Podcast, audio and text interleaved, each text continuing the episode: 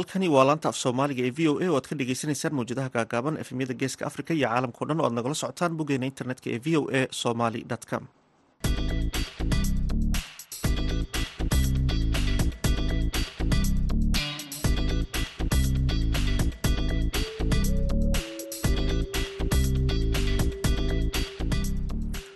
duhur wanaagsan dhegeystayaal waa kowdii iyo barkii duhurnimo xilliga geeska africa waa maalin khamiisa sideed iyo bisha julaay sanadka labada kun labaiyo labaatanka idaacadda duhurnimo ee barnaamijka dhallinyarada maanta waxaa idinla socodsiinaya anigoo ah xuseen barre aadan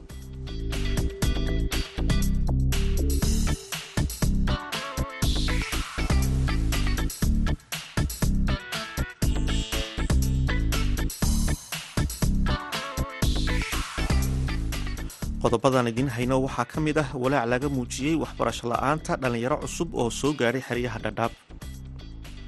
Dad badan oo qaxooti cusub ayaa jirin oo qaxootiga soo galeen. Dadkaas waxaa la socdaan dhalinyaro dhallinyaradaas oo caqabado badan ayaga ay haystaan.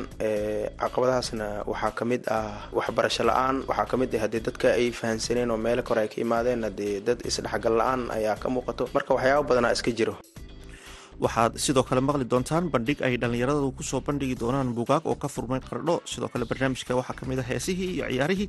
Marka horese waxaad ku soo dhawaataan warkii dunida.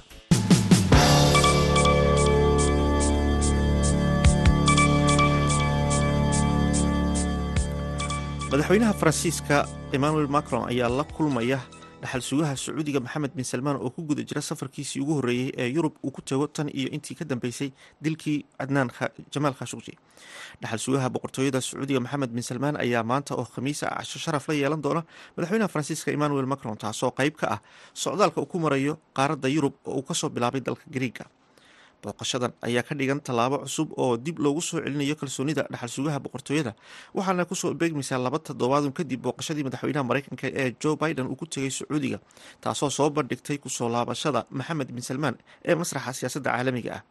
Dhaxal sugaha sacuudiga ayaa fiidnimadii xalay oo arbaca ahayd gaaray garoonka diyaaradaha orly ee magaalada baris halkaasi oo uu ku qaabilay wasiirka dhaqaalaha iyo maaliyadda ee faransiiska bruno lomer sida laga soo xigtay ilo ka tirsan dowladda sacuudiga taageerayaasha hogaamiyaha shiicada ee ciraaq muqtada sadr ayaa isaga baxay baarlamaanka ciraaq iyaga oo ka jawaabaya baaqii hogaamiyahooda. Degenaansho ayaa ku soo laabatay dhismaha baarlamaanka ciraaq kadib markii taageerayaasha muqtada sadr ay dhegeysteen baaqii hogaamiyahooda si ay u laabtaan guryahoodii tiro badan oo taageerayaasha al sadr ayaa xoog ku galay dhismaha baarlamaanka fiidnimadii xalay taasoo qayb ka ahayd mudaharaadyo looga soo horjeedo magacaabista siyaasiga maxamed shaayac assudaani oo loo magacaabay jagada ra'iisul wasaaraha ee ciraaq isagoo ka soo jeeda isbahaysiga shiicada. Muqtada sadr ayaa qoraal uu ku soo dhigay bartiisa twitter-ka ku sheegay in fariintii ay taageerayaashiisu gaadhay xildhibaanada baarlamaanka ciraaq islamarkaana ay argagax gelisay kuwa musuq maasuqa wada sida uu hadalka u dhigay tallaabadan ayuu ku sifeeyey kacdoon isbeddel doon ah iyo weliba mid lagu diidan yahay cadaalad darada iyo musuq maasuqa kumanaan taageerayaasha wadaadka shiicada ee al sadr ayaa xalay ka qayb qaatay mudaharaadyo waaweyn oo waxayna awood u yeesheen inay xoog ku galaan aagga cagaaran oo ah ee aadka loo ilaaliya ee caasimada baqhdaad halkaasi oo ay ku yaalaan xarumaha dowladda iyo safaaradaha shisheeye ee dalkaasi ku sugan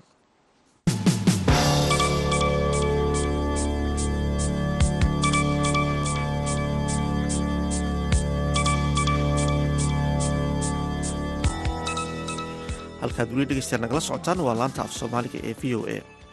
Ururada dhallinyarada ee xeryaha qaxootiga ee dhadhaab ayaa walaac ka muujiyey waxbarasho la'aan haysata.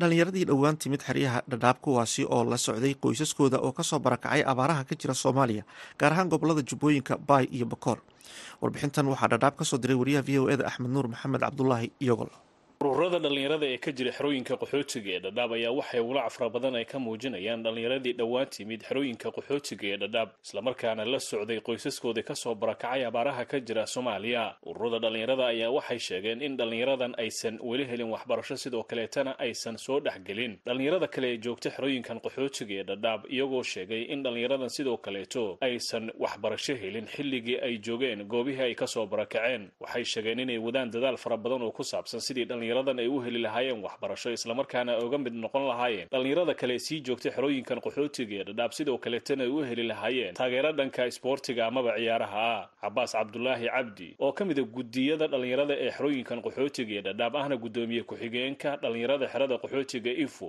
oo la hadlay barnaamijka dhallinyarada ee v o a ayaa wuxuu u sheegay in caqabado fara badan ay wajahayaan dhallinyaradan isagoo sheegay inay wadaan dadaal fara badan oo caqabadaha haysta dhallinyaradan ay wax uga qabanayaan. Dad badan oo qaxooti cusub ayaa jirin oo qaxootiga soo galeen. Dadkaas waxaa la socdaan dhalinyaro dhalinyaradaas oo caqabado badan ayaga ay haystaan.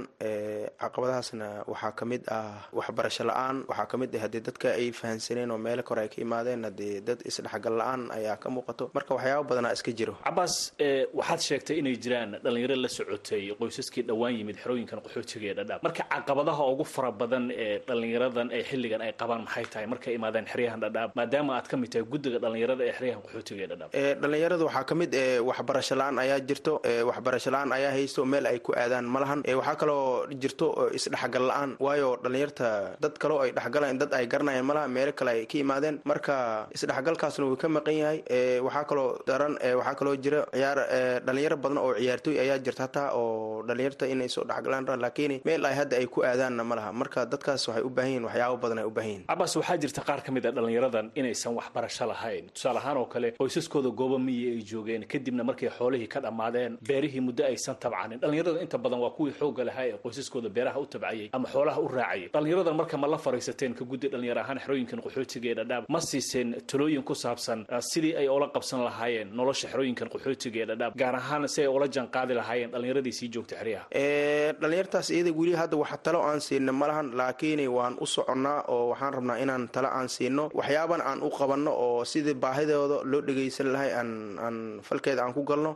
Waxaa waxaa jiro waxayba u dhammaanayan dadkaas ayaga ah. Tala kilax meehe baahi ay u dhammaanayan waa dhar la'aan. Marka inaan bulshada u dhexgalnan waan rabnaa iyo hay'adihiin aan kala hadalna ayaga waxay u qaban karaan. Dhalinyaradan qaarkood waxay sheegahayaan in goobihii ay joogeen ama ay ka soo barakaceen inaysan waxbarasho ku haysanin. Sidoo kaleetana ay adkayd inay gargaar helaan. Tusaale ahaan oo kale dadkan ama dhalinyaradan goobahay ka soo barakacayaan waxaa u badan gobolka jubbada hoose oo kale sidoo kaleeto gobolka gado iyo qaybo ka mid a soomaaliya sida ba iyo bokool oo kale dhalinyaradan marka markii aan la sheekaystay waxay ii sheegeen in goobahaasi aysan lahayn waxbarasho. Sababtuna ay tahay maadaama halkaasi aysan hay'adaha samafalka aysan gaari karin maadaama ay al-shabaab gacanta ku hayaan. Marka dhalinyaradan maadaama ay xero qaxooti ay imaadeen sidoo kaleetana ay tahay goob waxbarasho bilaasha ee hay'adaha samafalka ay siiyaan. Talada ma idinku jirtaa in hay'adaha naftooda aad kala hadashaan? Sidii dhalinyaradaasi markaasi ay u heli lahaayeen waxbarasho sidoo kaleetana loo siin lahaa barbaarin dhanka waxbarashada? Ha waa inoogu jirtaa talada berito hadduu ilaahay idmo waxaan shir la leenahay hay'adda u n h c r iyo hay'adda kenya oo loo yaqaana d r s marka waan u soo bandhigi rabnaa in dhalinyartaas iyada wax walba laga saacideeyo xagga waxbarashada oo dadkana ay soo dhexgalaan. Maadaama wadankeena hooyo oo waxbarasho saa'id fiican aysan lahayn oo meelaha qaar hataa waxbarashada si fiican loo gaarsiin hadda waxaan rabnaa inaan hay'adihii aan kala hadalno sidii dadkaas iyada waxbarashadan friiga oo qaxootiga ay haystaan ay u heli lahayeen waan ku tala jirnaa. Waalidiinta qaarkood oo iyaguna aan la hadlay waxay ii sheegeen siday dhalinyaradu ay sheegeen in dhibaatooyinkaasi ay qabaan deegaamadii ay ka soo barakaceen aysan waxbarasho lahayn. Waxaan ognahay in iskuullada ku yaalla xerooyinka qaxootiga ee dhadhaab naftooda muddooyinkii dambe aysan waxbarashadooda wanaagsanayn balse iyagu ay asaas u noqon karto. Tusaale ahaan oo kale xerada if oo kale banaankeeday degeen xerada dhagaxley sidoo kale xaga dheer goobo ka mid ay degeen. Marka goobahaasi naftooda haddii iskuullo kumeel gaara ama goobo waxbarasho kumeel gaara loogu sameeyo wax bay ka caawin lahayd. Marka sidoo kaleeta waxaad sheegtay in dhanka isboortiga amaba ciyaaraha dhalinyaradaasi qaar badan oo ka mid a ay ku fiican yihiin. Dhowaan maraan booqday xerada qaxootiga ifo goobtay ka degan yihiin groom bay markaasi halkaasi ka samaysteen ay kubadda ku ciyaaraan balse ma haystaan garab dhanka ciyaaraha? Arrintaasi maxaa idinka qorshaysan? Arrintaas waxaa nooga qorshaysan maalin horena waan la hadalnay guddiga isboortiga in tiimkaas dhan oo dadka soo galootiga ah uu rajista gareeyo oon aan soo ogaano marka waxa un qaban karnan aan u qabanno. Marka waan ku tali jirnaa inaan aan wax fiican aan u qabanno insha allah. Marka cabaas maadaama guddiga xerada ee dhalinyarada aad ka mid tahay xeryahan qaxootiga ee dhadhaab gaar ahaan xerada ifo nin dhalinyaro ah oo xero ku cusub maxay tahay caqabaduhu la kulmi karo? Caqabadaha uu la kulmi karo waxaa ka mid wixii uu rabay uusan helin waxaa ka mid eh sida waxbarashada ayaa ka mid eh. Waxaa kaloo ka mid eh dadkii asaga uu la jaanqaadi lahaa ay u helin maadaama uu environmentigan ay ku cusub tahay. Marka waxyaabo badan ayaa ayaa ka maqan. Ugu dambayntii marka adigoo ku hadlaya magaca dhalinyarada xerooyinkan qaxootiga ee dhadhaab maxaad ugu baaqi lahayd dhalinyaradaasi dhalinyarada waxaan ugu baaqi lahaa hadduu ilaahay idmo aniga dhalinyarta guddiga waan u soo soconnaa insha allah waana soo booqon doonaa waxaa kaloo ugu baaqi laha in ayagana bulshadooda ay soo dhexgalaan oo dhalinyarta dhalinyarta la jaan qaadaan wixii hore oo dhalinyartii sii joogeen qaxootiga ay ay weydiiyaan siday wax walba ay u socdaan. Dhalinyarada ayaa intii ay joogeen soomaaliya intooda badan waxay yihiin kuwo aan helin waxbarasho maadaama inta badan qoysaskooda ay ahaayeen kuwo xoolo dhaqata ah sidoo kalena beeraleya sidoo kaleetana deegaamada ay kaga sugnaayeen soomaaliya sida gobolka jubbada dhexe oo kale ay gacanta ku hayaan maleeshiyaadka al-shabaab taasi oon u suurtagelin in goobahaasi laga hirgeliyo iskuullo amaba hay'adaha dhanka waxbarashada ka shaqeeya ay tagaan axmed nuur maxamed cabdulaahi yogol v o a xeryaha qaxootiga ee dhadhaab halkaad weli dhegeystayaal nagala socotaan waa laanta af soomaaliga v o a oo si toosa idinka imanaysa washington. Haatan aynu ku wada lansanno mid ka mid ah heesahan idinku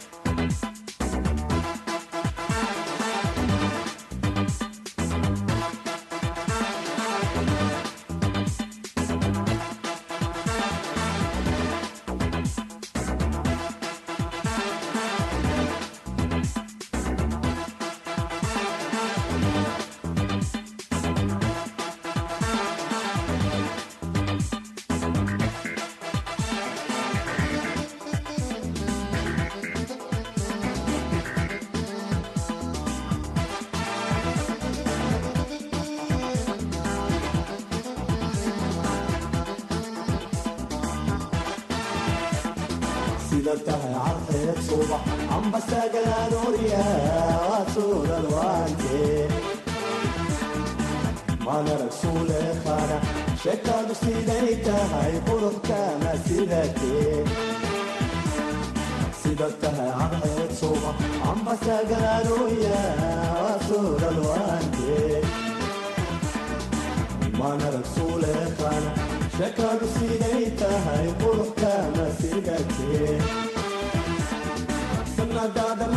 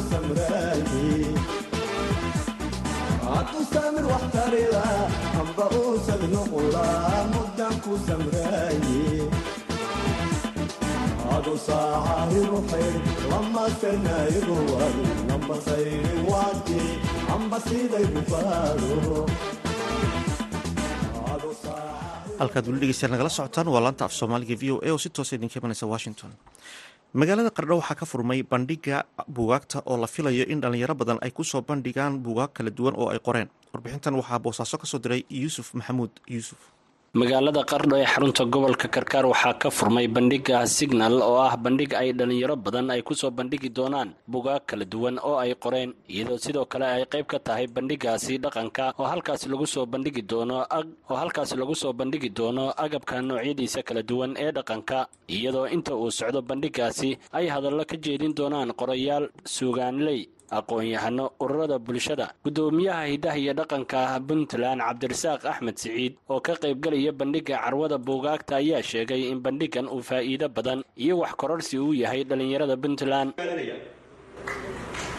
Dhaqanku sidaan hore u sheegayba waa mas'uuliyad wadareed. Waxaan rabnaa dhaqanka inaan ka wada shaqayno dhinaciina a qabataan barbarku ka baxa wabakeela galeen aan nidhaahno cid kastaana ay dhaqan ka shaqayso. Hooyooyinka iyaga waxaan farayaa inay dhaqankii si gaara uga shaqeeyaanin iyaga waxa weeye ah cidda mataqaanaa waxa weeye dhaqanka ehelkiisa ah cidda dhaqankii laga xigsanayo waxa weeye ee mataqaana markasta laga hiigsanayo. Iyaga ah waxaan rajaynayaa inay si gaara uga shaqeeyaan. Dhallinyaradana ay baraan. Dhallinyaradeenna in dhaqankii la baro. Sideedaba dhaqan haddaa maqasho waa wax wanaagsan. Wixii dhaqan lididka ah ee aan dhaqanka ahayn waa wax xun. Marka wixii xun oo dhan in laga tago baan rajaynaya. Wixii dhaqanana la raaco sidiisuba waxa weeye wuxuu yahay gaali ama dadka inoo hagaya. Sidoo kale waxaan rajaynayaa in dhaqanka laga shaqeeyo sababtoo dhaqanku waa jiritaanka bulsho kasta. Waxaa leeyahay bulsho kasta haddii dhaqankeedu lumo way luntaa annaguna waxaanu kala shaqaynaynaa oo waxa weeye idinku idma nahay inaannu dhaqan ka shaqayno idinku matalo madalaha noocan oo kale ah iyo meelaha wax lagu kala goosanayo. Hadday noqon lahayd dowlad hadday noqon lahayd waxa weeye iyo cid kastoo wax ku bixisaba aanu martaqaana mar kasta u doodnoo nidhaahno dhaqankii aanu ka shaqayno intaanu mas'uuliyaddaan hayno waadna nagula xisaabtamaysaan gudoomiye ku-xigeenka degmada qardho maxamed cabdulaahi siciid oo madasha carwada buugaagta ka hadlay ayaa docdiisa sheegay in loo baahan yahay in la xoojiyo dhaqanka waana labada meelood oo bulshada aan annagu naftkaygu rabno inaan u soo marno wacyigelin dad aqoon leh inay bulshadii hogaamiyaan isla markaasna dad dhaqankoodii in dadka lagu hogaamiyo. Inan labada midna ka tegin baynu rabnaa aqoontii ilbaxnimada caalamka ka socotayna. Inaynu dhinac ka wadno dhaqankiina dhinac ka wadno. Waxaa ilaahay mahaddiisa dhallinyarta halkaan hidaha iyo dhaqanka matalaysaa inay misla yihiin dhallinyaro aqoon-yahana marka sidaa darteed waxaan is leenahay dhaqankeennii iyo aqoonteennii baa laysku lamaaniyey. Waana shayga keliya oo aynu dunida horumarka gaari karno. Inaanu aqoontiina leenahay dhaqankeenayna ka tegin arrintaas aad iyo aad baan u bogaadinayaa in laysku lamaaniyo. Waxaan bulsho weynta soomaaliyeed reer puntland iyo weliba reer qardhaba ku boorinaya una soo jeedinayaa inay ka faa'iidaystaan miiska camilan oo aqoonta hiddaha iyo dhaqanka u camilan inay ka faa'idaystaan gadashada buugta ka soo qayb galaan xafladdan oo kale waa xafladaha ugu muhiimsan in laga soo qayb galo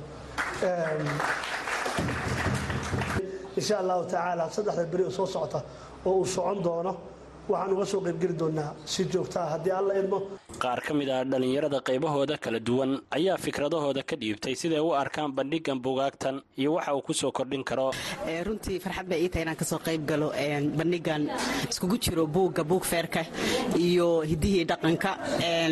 Runtii de waxay ka turjumaysaa magaaladan waa magaaladii dhaqanka ee soomaaliyeed. Marka aad baa ugu faraxsanaya inaan qayb ka noqdo. Wuxuuna socon doonaa saddex maalmood. Waxay u tahay runtii horumar. Magaalada ay hiigsan doonto. Waxaan kaloo rabaa inaan ku dhiirigeliyo dhallinyarada. Yani hadda saa ujeedad waxaa la soo bandhigayaa dhaqanka hidihii dhaqanka cuntadii dalagii dalka.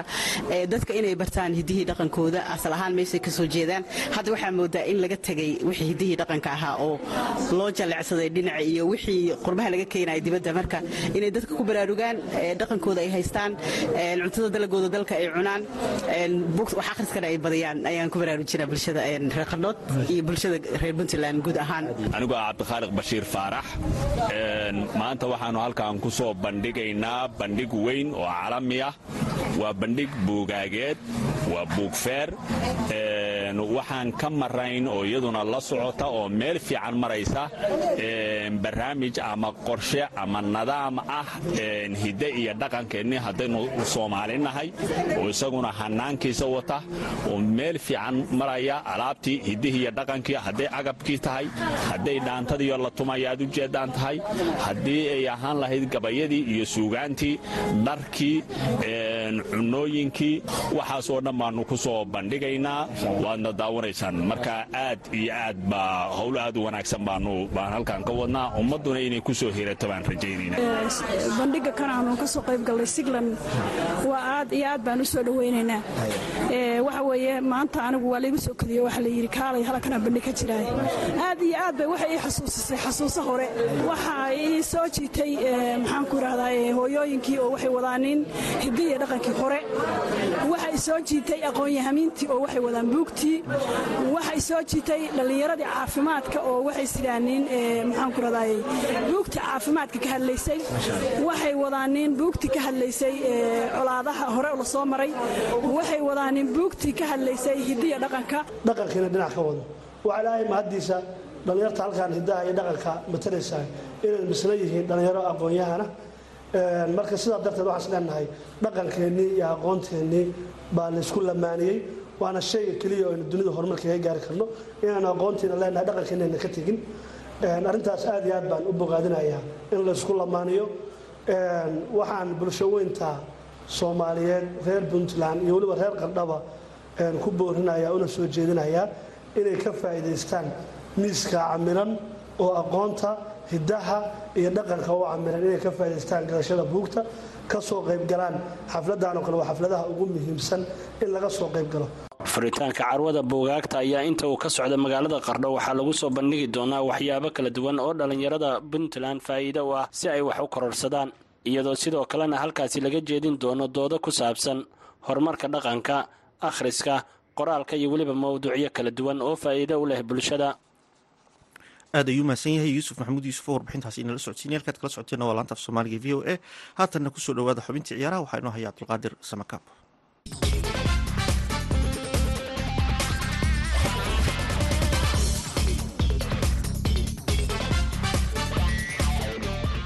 kulanti wanaagsan dhegaystayaal ku soo dhowaada xubinteennii cayaaraha aan ku bilownay kooxda yuventus ee kubadda cagta ayaa dadaal ugu jirta sidii ay ku heli lahayd saxiixa ciyaaryahan roberto fermino oo weerarka uga ciyaara kooxda liverpool ee kubadda cagta. Kooxda yuventus ayaa in dhowaalaba waxa ay dadaal ugu jireen sidii ay u heli lahaayeen weeraryahan ay ku lamaaniyaan ciyaaryahan velovig oo xil ciyaareedkii la soo dhaafay ay kala wareegeen kooxda fiorentina kaas oo u dhashay dalka serbiya xidiga reer brazil ee roberto fermino ayaan boos joogtaha ka haysanin kooxdiisa liverpool xil ciyaareedkii la soo dhaafay iyadoo mudnaanta ay ka yeesheen xidigaha kale ah dias iyo jota. Sidoo kale waxaa culeys kale ku sii noqday weeryahanka nunas oo kooxdiisa ay lacago qaali ah kala wareegeen kooxda benfica lamana oga sida uu boos u heli doono xil ciyaareedka soo socda tababare georgian colob ayaana looga fadhiyaa inuu go'aan ka qaato xidigan oo sannadkii la soo dhaafay uu ka doorbiday dias iyo jota. Fermino ayaana loo malaynayaa inuu cadaadis ku saari doono in kooxdiisa liverpool ay iibiso haddii aanay u haynin boos joogto ah maadaama uu doonayo in sanadkan uu ka qayb galo koobka adduunka ee bisha novembar lagu qaban doono dalka qatar. Sidoo kale kooxda yuventus ayaa waxa ay doonaysaa ciyaaryahan anthony marshal oo weerarka uga ciyaara kooxda manchester united marshal ayaa xil ciyaareedkii la soo dhaafay amaha ku joogay kooxda sevilla laakiin waxa uu isku muujiyey kulamada isku diyaarinta ee kooxdiisa manchester united ee xil ciyaareedka soo socda isagoo soo jiitay dareenka tababare tanxaaq lamana oga sida lagu fasixi karo. Dhinaca kale kooxda chelsea ee kubadda cagta ayaa dadaalkeeda isugu geynaysa sidii ay ku heli lahayd saxiixa ciyaaryahan skrinier oo daafac uga ciyaara kooxda inter milan ee kubadda cagta chelsea ayaa xidigan ku raadinaysa ilaa iyo konton milyan oo baan waxaana ay dagaal adag kala kulmaysaa kooxda b s g oo xidigan iskeed u raadsanaysa. Tallaabada chelsea ay ku doonayso xidigan ayaa imaanaysa kadib markii kooxda barcelona ay kaga adkaatay saxiixa ciyaaryahan jules conde kaas oo la sheegay inuu heshiis la gaaray maalmaha soo socdana ay kooxda barcelona soo bandhigi doonto isla kooxda barcelona ayaa dhinaca kale ciyaaryahankooda qadka dhexe ee frank de jon ku cadaadinaysa inuu ku biiro kooxda manchester united taas oo xilli hore ay heshiis kala gaareen. De jon ayaa ku adkaysanaya inuu sii joogo kooxdiisa catalunya laakiin kooxda barcelona ayaa doonaysa inay meel un isaga tuuraan mushaarka qaaliga ah ee xidigan uu ka qaato. Catalunya ayaa u sheegtay de jon haddii uu ku adkaysto inuu sii joogo kooxda inuu dhimi doono wax ku dhow afartan boqolkiiba oo mushaarkiisa ah iyo sidoo kale in laga ciyaarsiini doono difaaca dambe ee kooxda. De jon ayaa in dhowaalaba waxa uu ka dalbanayay kooxdiisa barcelona inuu sii joogo islamarkaana ay farta ka saaraan. Lacago toddobiyo toban milyan ah oo mushaarkiisa ah oo kooxdaasi uu ku leeyahay. Tababare tenxaaq oo leyliya kooxda manchester united ayaana xidigan u arka mid uu ku dhisi karo falsafadiisa kooxda manchester united iyagoo ka soo wada shaqeeyey kooxdii ayakis ee tababarahan uu soo leylin jiray. Kooxda roma ee kubadda cagtana dhinaca kale waxay qarka u saaran tahay inay la wareegaan weeryahanka beleti kaas oo heshiiskiisa uu ka dhammaaday kooxda torino. Beleti ayaana si xora ugu biiri doonaa kooxda roma oo doonaysa inay xoojiso weerarkeeda. Roma ayaa holey ula wareegtay ciyaaryahan dibala oo si xora kaga tegay kooxda yuventus ugu dambeyntiina kooxda yuventus ee kubadda cagta ayaa waxaa u soo yeeray warar murugo leh kadib markii loo sheegay in ciyaaryahan paul bogba uu muddo dhowr bilood ah garoomada ka maqnaan doono. Xidigani isaga tegay kooxda manchester united ayaa si xora ugu biiray kooxda yuventus waxay u xireen nambarka tobnaad iyagoo isku diyaarinayay xil ciyaareedka soo socda laakiin bogba ayaa dib u dhaawacmay iyadoo sannadihii la soo dhaafayna uu dhaawac kula joogay kooxdiisa manchester united. Yuve ma aysan sheegin muddada rasmiga ah ee xidigan uu garoomada soo geli doono marka qalliinka lagu sameeyo. Wararkeennii cayaarahana waa nageynta